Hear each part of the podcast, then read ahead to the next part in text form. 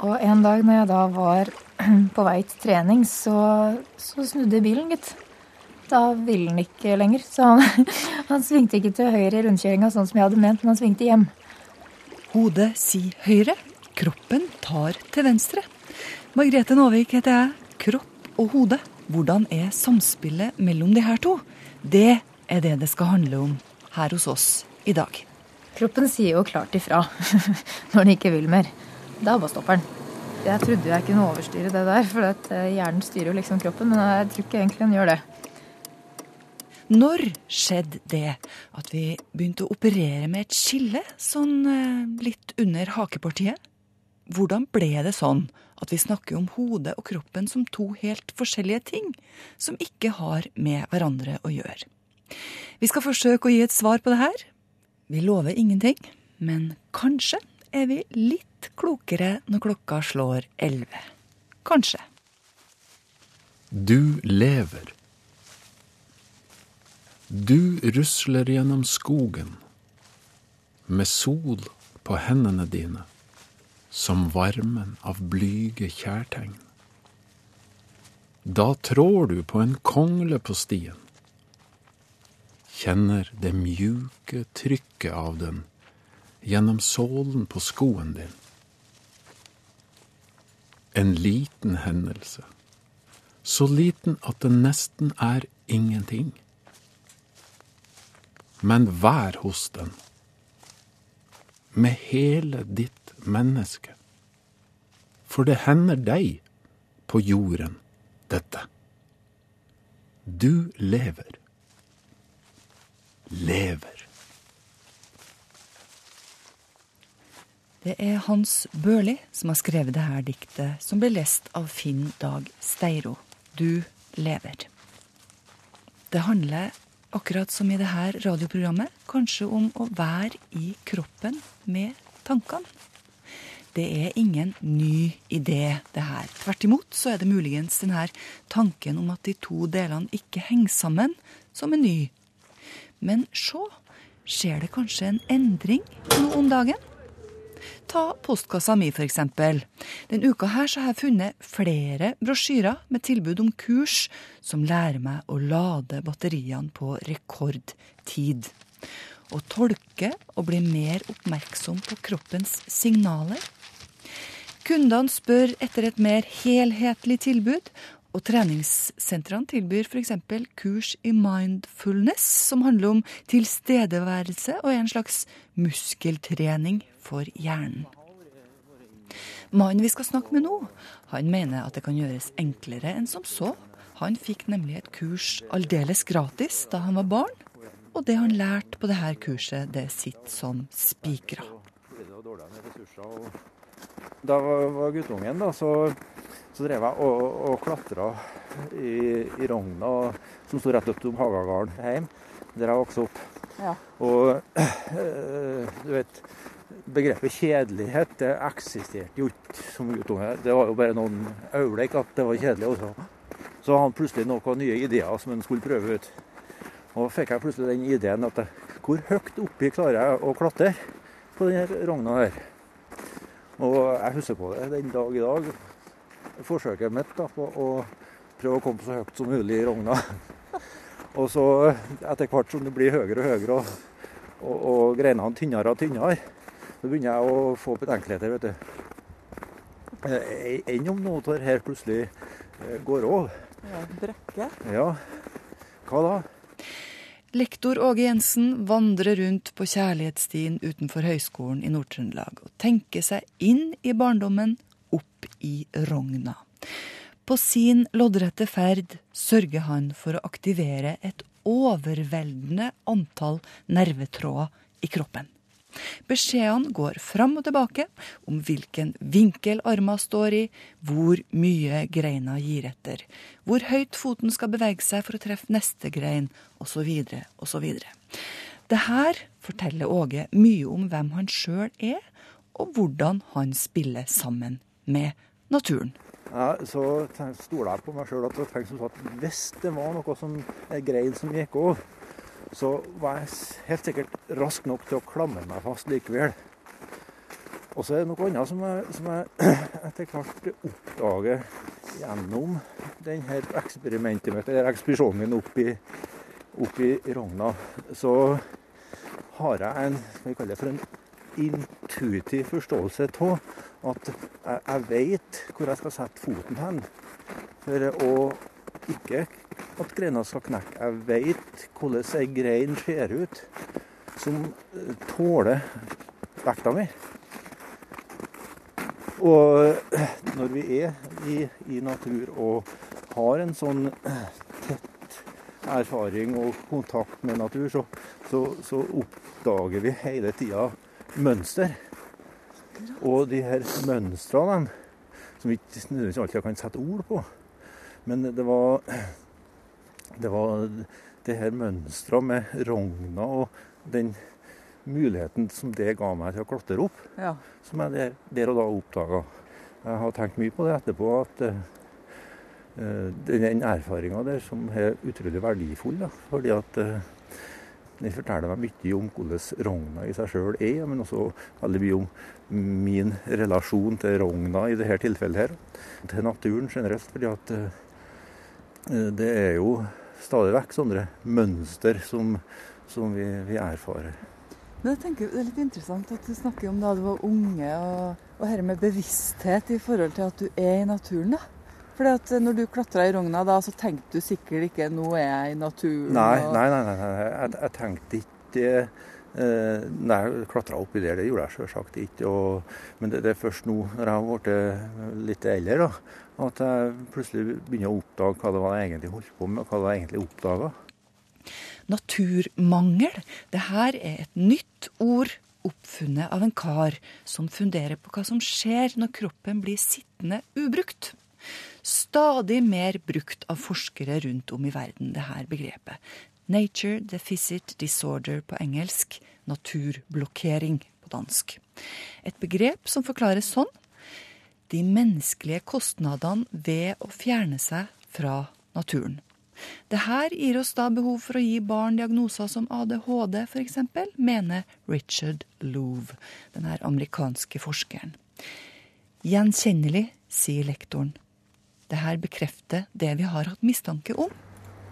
Ja, ja for det første sånn, så når vi bruker uttrykket kropp og, og haug, så opprettholder vi jo et eldgammelt skille mellom kropp og, og sjel. Eh, og det er jo den eh, gjennom friluftslivet håper på å prøve å brotte ned da, den der skillelinja der friluftslivet representerer en annen måte å tenke på. Mm. Jeg, jeg, ser det Prøver å se det som, som en helhet. da, altså at uh, Det som skjer med meg fysisk eller psykisk, det, det er egentlig det samme. Uh, og at Eh, jeg opplever det i en, eh, en nær relasjon med, med, med, naturen. Klarer du det? Er det en øvelse? Eh, ja, altså det, det er klart at det er en, en bevissthet rundt omkring det. Når vi er ute, så kan vi gi uttrykk for det at, at jeg er, en, er i en helhet med naturen.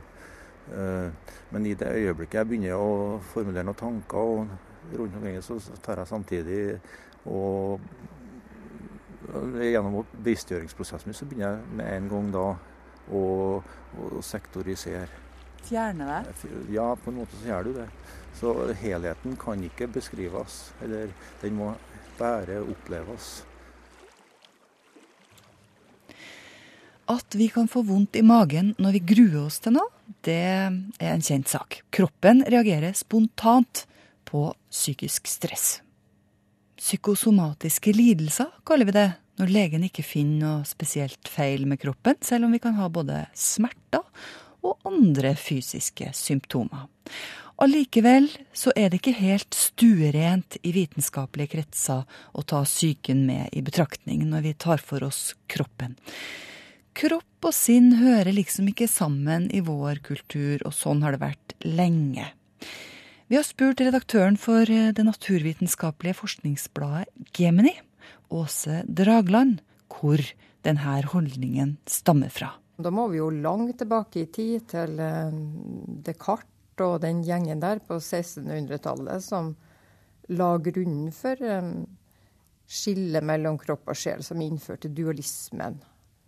Og det var vel en nødvendighet kanskje den gangen, for det å få um, dissekert uh, døde mennesker for å få lov til det, som at man fjerner det litt fra, fra Gud. Alt handla jo om Gud den gangen der. Så at Descartes lot uh, sinnet være igjen i Gud og i den religiøse verden, og så lot han kroppen gå over til den materielle verden. Så kroppen var liksom en slags mekanisk innretning, det da? Ja. Mm. Det er veldig interessant det som skjer da fra den tida der med Galileo, Descartes, Newton for det er jo i renessansen det starter hele det naturvitenskapelige bildet. Da begynner man å fragmentere verden. Og det, jeg ser at det har vært helt nødvendig. Det er sånn uh, industrien har utviklet seg, det er sånn teknologien har utviklet seg, det er sånn mennesker har løfta seg opp til der vi er i dag. Men i dag begynner vi kanskje å se at det verdensbildet der alt er fragmentert, fra at kroppen vår er delt inn i organer, og der hvert organs sykdom har en bestemt behandling og sånne ting. Mm. Til at alt rundt oss også er jo delt opp. Vi ser jo i verden i dag vi, vi ser jo, Det er delt opp i nasjoner, i land, i raser. Vi greier ikke å se noen helhet i noen ting lenger. Men du er på utkikk etter helheten? Jeg er på utkikk etter helheten, og jeg er heldigvis ikke alene om det. Selv om vitenskapen i stor grad henger fast i det gamle verdensbildet, der det går et klart skille mellom kropp og sinn, så fins det forskning som viser at vi kanskje snart burde tenke annerledes om den saken. I høst kom Åse Dragland ut med boka 'Kroppens skjulte intelligens', der hun bl.a. tar for seg placeboeffekten, som viser at kropp og sinn påvirker hverandre gjensidig. Placebo er jo en ting som mange folk ikke har noe forhold til. Men alle har et forhold til um, hvordan kropp og sinn henger sammen. Eller de tenker ikke på det bevisst, men bare tenk på hvis du har Hvis jeg sier til deg Tenk på at du har ei sitronskive på tunga di. Hvis du tenker konsentrert på det i et minutt, så begynner du å skille ut vann i munnen din. Eller tenk på hvis du hører et smell like utafor på verandaen din, og du ikke vet hva det er for noen ting. Bare tenk på det, da, da begynner hjertet ditt å slå ganske kjapt eh, for at du er redd. Eller alle vi damer kanskje som er redd edderkopper. Vi trenger ikke tenke lenge på det før vi begynner å få økt puls og litt rar i magen. Gjør du det? Ja, det gjør jeg. Og hvis jeg tenker på et parforhold eh, bak i tid som var ikke så bra, så får jeg òg en sånn rar um, følelse i magen, en sånn uvelhet.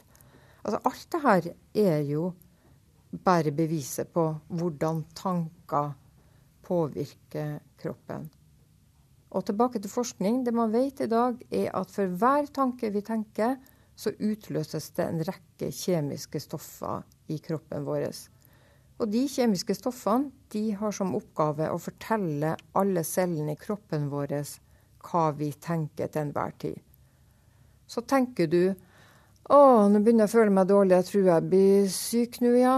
Og du i tillegg sier det til et par stykker rundt deg, ja, da har du garantert programmert kroppen din til at du blir nettopp det. Jaha. ja. sier du det? Er det bevisst? Ikke akkurat det jeg sier, men det som er bevist, det er det at hver tanke blir kommunisert ut til hele kroppen, til alle cellene i kroppen. Hvordan er det bevisst? Ja, det er bl.a. amerikanske forskere, ei som heter Candice Perth, som har brukt mye av sin tid på å forske på akkurat det der. De her små stoffene kalles for signalstoffer. Og det har man bevist at de fester seg på cellene og gir beskjeder inn til cellene. De kan også feste seg på immunceller, har de funnet ut. Og immuncellene vet man jo er jo ikke på et bestemt sted i kroppen. De flyter jo overalt i kroppen. Så denne kommunikasjonen foregår i hele kroppen til enhver tid. Så hvis du tenker at du blir syk, og du sier høyt at du blir syk, så gir du på en måte en slags beskjed til hjernen at fortsett med det. Ja, det vil jeg tro at du gjør. Og hvis du da føler deg litt syk, men uh, sier høyt noe annet, hva da? Da tror jeg ikke det vil skje noen ting. For jeg tror ikke det er så lettvint som det. Men hvis du greier å lage deg en metode, for jeg tror det er veldig viktig at man kan ikke bare sitte sånn ute i eh, hjernen opptatt av tusen ting i det daglige livet. Og du kan ikke bare sitte da og si en setning to ganger. 'Å, nå må, må, jeg bli frisk.' Jeg, jeg blir frisk med en gang, ja. Fungerer ikke i det hele tatt. Du må ned på et stillere nivå i, i hjernen din. Der er det jo snakk om alfabølger, tetabølger, deltabølger. Og, det, og forskning viste at dess lenger ned, sånn som med meditasjon, så flyter informasjon lett mellom de to hjernehalvdelene. Så sånne ting spiller inn. Du, du, må nok bruke litt tid på det. Det er ikke så enkelt som at du bare kan slenge ut en setning, og så blir du frisk. Det du sier med alfabølger og disse forskjellige hjernebølgene, at du må ned på et nivå hvor du slapper veldig godt av, da, slik at du får senket hjerneaktiviteten. Ja. Det er da du kan gi deg selv kommando. Ja. Er det det du sier? Ja, det sier mange av de her metodene, og det tror jeg er helt riktig det, forskning rundt meditasjon er i det hele tatt ganske interessant, for der er det resultater.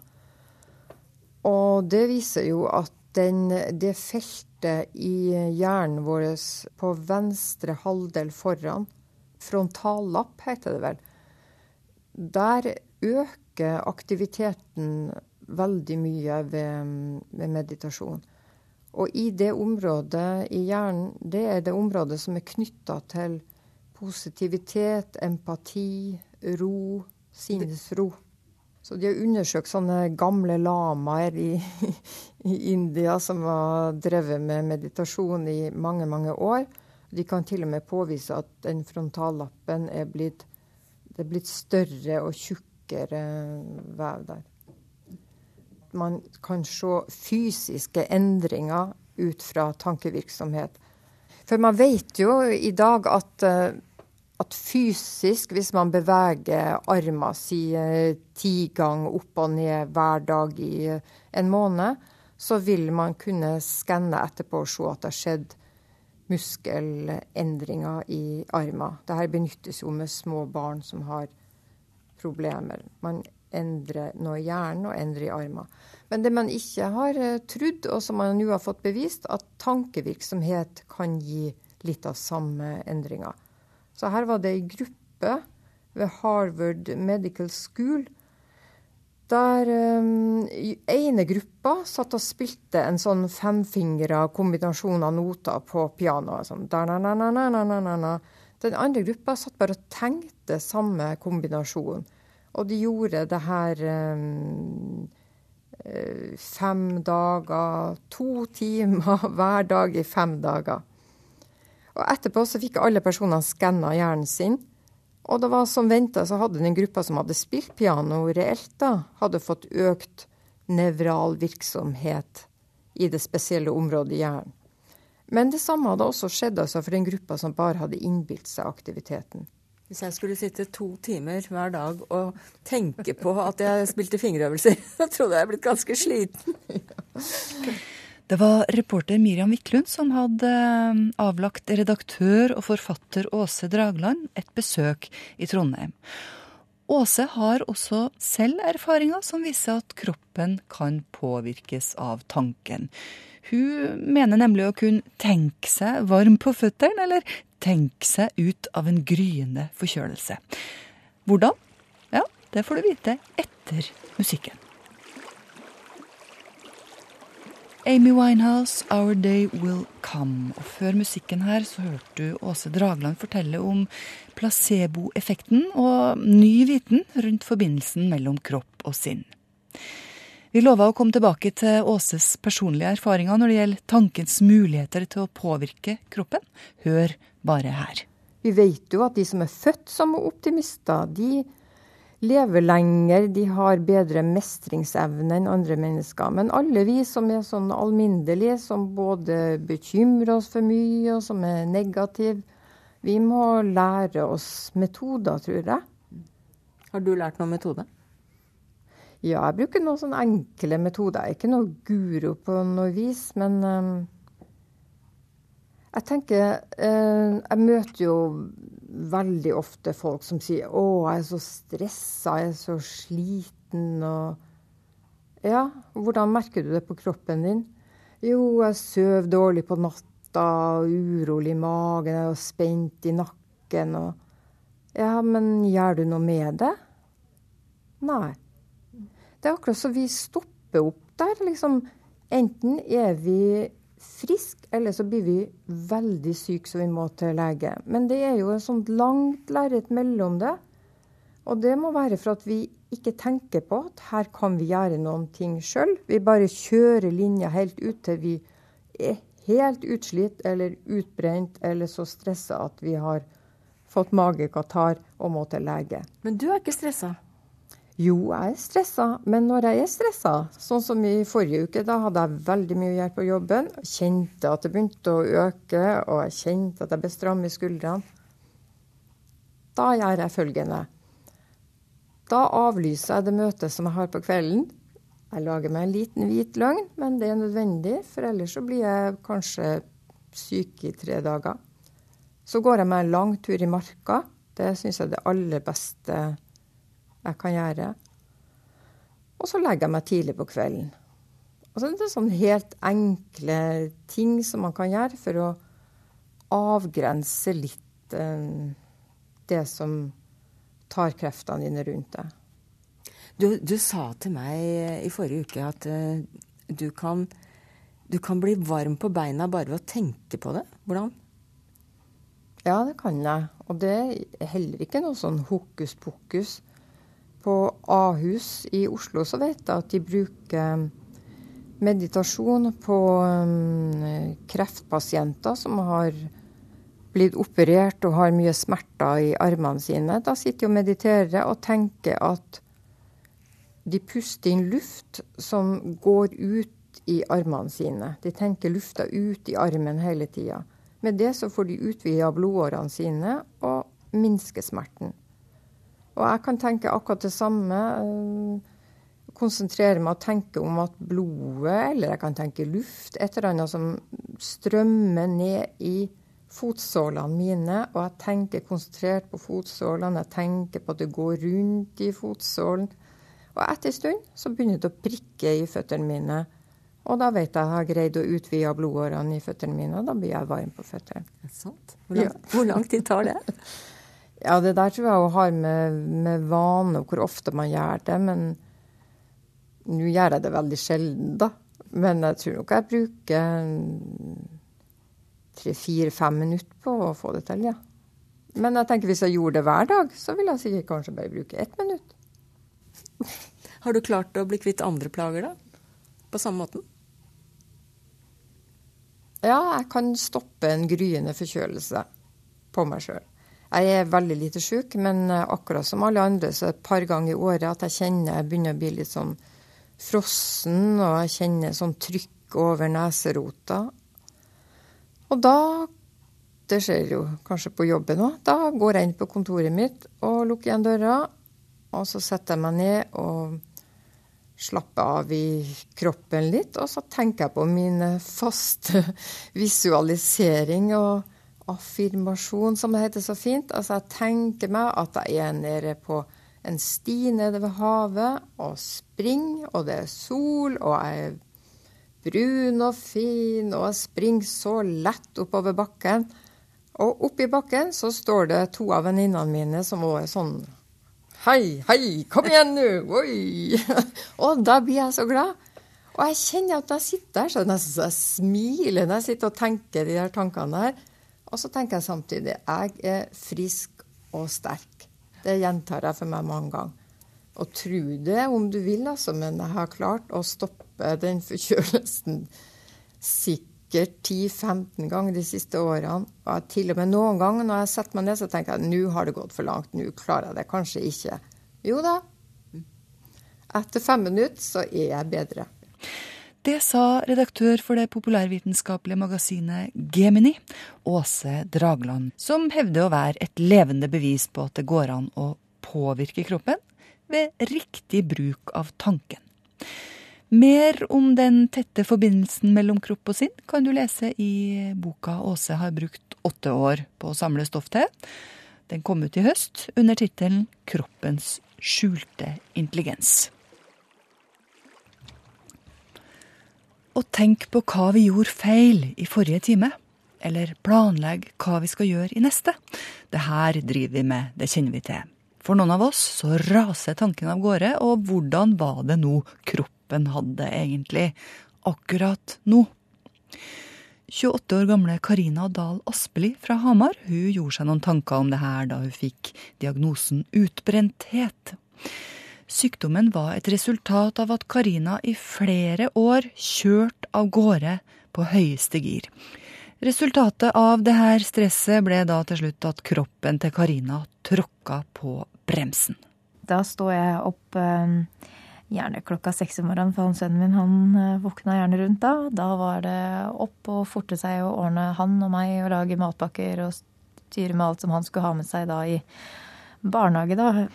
Og så var det å røske med seg ungen ut av døra og løpe bort til barnehagen som ikke var så langt unna, og få han inn i barnehagen, forte meg på jobb. Og helst skulle jeg trene først, så jeg dro rett fra barnehagen og opp og trente. Da hadde jeg en halvtime på meg. Og så hoppa jeg inn i dusjen, og så dro jeg på jobb, og så jobba jeg da fra ni til fire. Så da var det jo kunde på kunde på kunde på kunde, og det er nye folk å forholde seg til, og nye eh, problem eller ønsker da, som du skal innfri. Og du skal være blid og fornøyd, og du skal hjelpe til og være forståelsesfull, og så skal man jo være harmonisk. Mens hodet mitt da eh, stressa jo videre, for jeg var jo allerede på vei til barnehagen klokka ti. Og så sa det pang. Karine beskrev akkurat en typisk dag for henne før hun blei utbrent. Hun skulle være en verdensmester i alt hun gjorde. Tross alt. Hun gjorde jo bare på ting hun likte å gjøre, og hun ga jo bare omsorg for de hun var glad i. Men så, i 2008, kjente energiske Karina at energibanken begynte å bli tom. Det var vel da det egentlig begynte å toppe seg helt. Og jeg husker så godt en gang jeg skulle mm, være med noen venninner, og det er sånn som jeg egentlig alltid prioriterer, for det er veldig viktig for meg. Og jeg har et stort nettverk, så det er, ja, det er morsomt. da, Og jeg gledes av veldig lite, så jeg prøver å få med masse ting. Um, uh, og jeg husker jeg gikk inn døra, og jeg slo, altså jeg slo ikke på lyset engang, for det var for slitsomt. Og så gikk jeg bort til sofaen og la meg der i et mørkt rom og så ut i lufta. Og tenkte at det her klarer jeg ikke. Og til slutt etter det så gikk jeg inn på badet og satte meg ned på dolokket og kjente vet du hva, beina mine vil ikke reise seg. Jeg får ikke til. Og så ringer jeg venninna mi og forteller at uh, jeg orker ikke. Og da sier jeg at det har jeg sett. Jeg veit det. Jeg har sett det lenge. Hvordan kjentes det? Ja, det var et nederlag. Det var veldig um, Altså, jeg klarer jo alt. Selvfølgelig gjør jeg det. Ikke sant? Så man skal jo Og i hvert fall det er Herregud, det å møte venninner som jeg er så glad i, det er jo ikke noe, ikke noe vanskelig, det, liksom. Men um, det er det. Når du ikke orker egentlig Du orker ikke å se folk i øya, du orker ikke å prate med noen. Du, jeg klarte ikke å ta inn over meg noen ting det folk sa. Jeg, jeg, ble uinteressert og veldig lydsensitiv. Jeg orka ikke bråk. Og alt bråkte, da. Um, og det her var jo både på jobb og hjemme og overalt. Og det var vel da for fullt de her varselblinkerne begynte, da. En travel arbeidshverdag ble erstatta med en sykemelding hvor diagnosen var utbrenthet. Karina visste ikke helt hvordan å ta denne sykemeldinga inn over seg. Den første tida rett etterpå så lever du fortsatt i en sånn eh, overlevelsesboble på sånn sparebluss. Eh, og da får man litt den eh, Å, herregud, jeg må forte meg å rekke alt jeg ikke rekker ellers. For jeg skal jo ikke være sjukmeldt lenge. Du, du, får nesten litt den innstillinga sjøl om du egentlig Du er jo sjuk, men så tenker du at ja ja, men jeg har jo ikke brekt en arm eller et bein, så jeg kan jo passe på å få besøkt den og den, da, i hvert fall. Og så kan jeg passe på å kanskje, kanskje jeg må begynne å trene litt. Kanskje det er det som gjør at jeg blir bedre. Kanskje jeg må dra og få bytta de her gardinene da, som jeg ikke har fått bytta ennå, for at de er i feil lengde. Altså sånne ting. Så jeg stressa veldig mye att og fram, for jeg turte nok ikke egentlig å sette meg ned og kjenne på åssen jeg hadde det. For det er veldig skummelt. Um, så jeg stressa litt. Og en dag når jeg da var på vei til trening, så, så snudde bilen, gitt.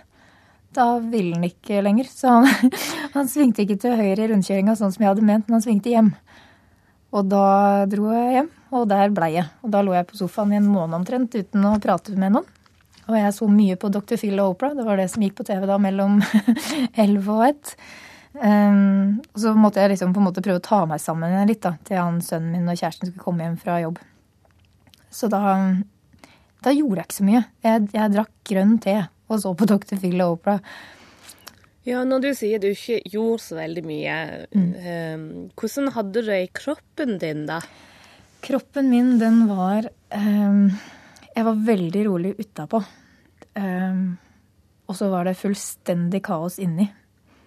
Uh, og det kjentes ut som at verden gikk i slow motion, og kroppen min fulgte den, men hodet mitt ville videre. uh, hodet mitt uh, visste, ikke hva som, visste ikke helt hva som skjedde. Jeg gikk gjennom mange, mange år i sånn fort film. Jeg tenkte fort. Jeg var, jeg var hele tida foran det jeg egentlig drev med. Hva mener du?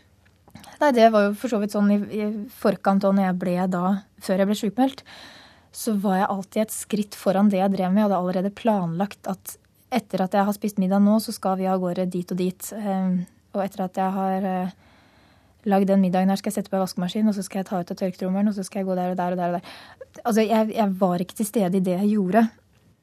Karino opplevde òg at hun fikk en ny forståelse for kroppen sin. Kroppen orker jo ikke, så jeg klarte ikke å bevege meg fort. Eh, det er mulig jeg gjorde det, men det virka ikke sånn. Det kjentes ikke ut som det. Det var som å ha lim under beina og at du hadde blylodd hengende fra armer og bein. Altså, det, gikk ikke an å gjøre noe fort. Jeg takla ikke stress. Jeg klarte ikke å gjøre flere ting samtidig i kroppen. Men i hodet Og du verden så mye jeg rakk over. Jeg tenkte fort, og jeg prata med meg sjøl inni huet mitt om at nå må du gjøre det. Sånn og sånn, ja. Nå må du gjøre sånn.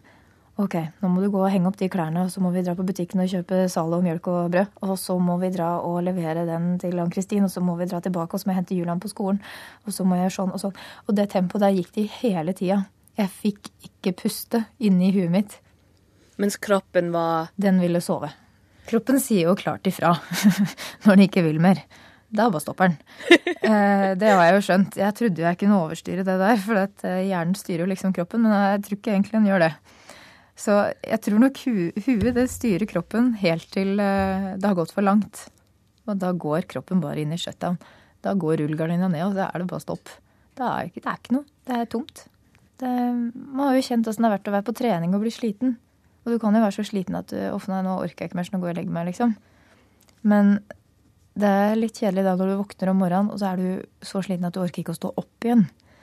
Det er to forskjellige følelser, og da har virkelig kroppen bare han stritter imot. Han vil ikke. Han blånekter. Du skal ikke gjøre noe mer, for du har ikke godt av det. I dag er Karina friskmeldt, men hun sier hun fortsatt må passe seg. Før hun vet ordet av det, så har hun forplikta seg til å være med på akkurat litt mer enn hun egentlig orker.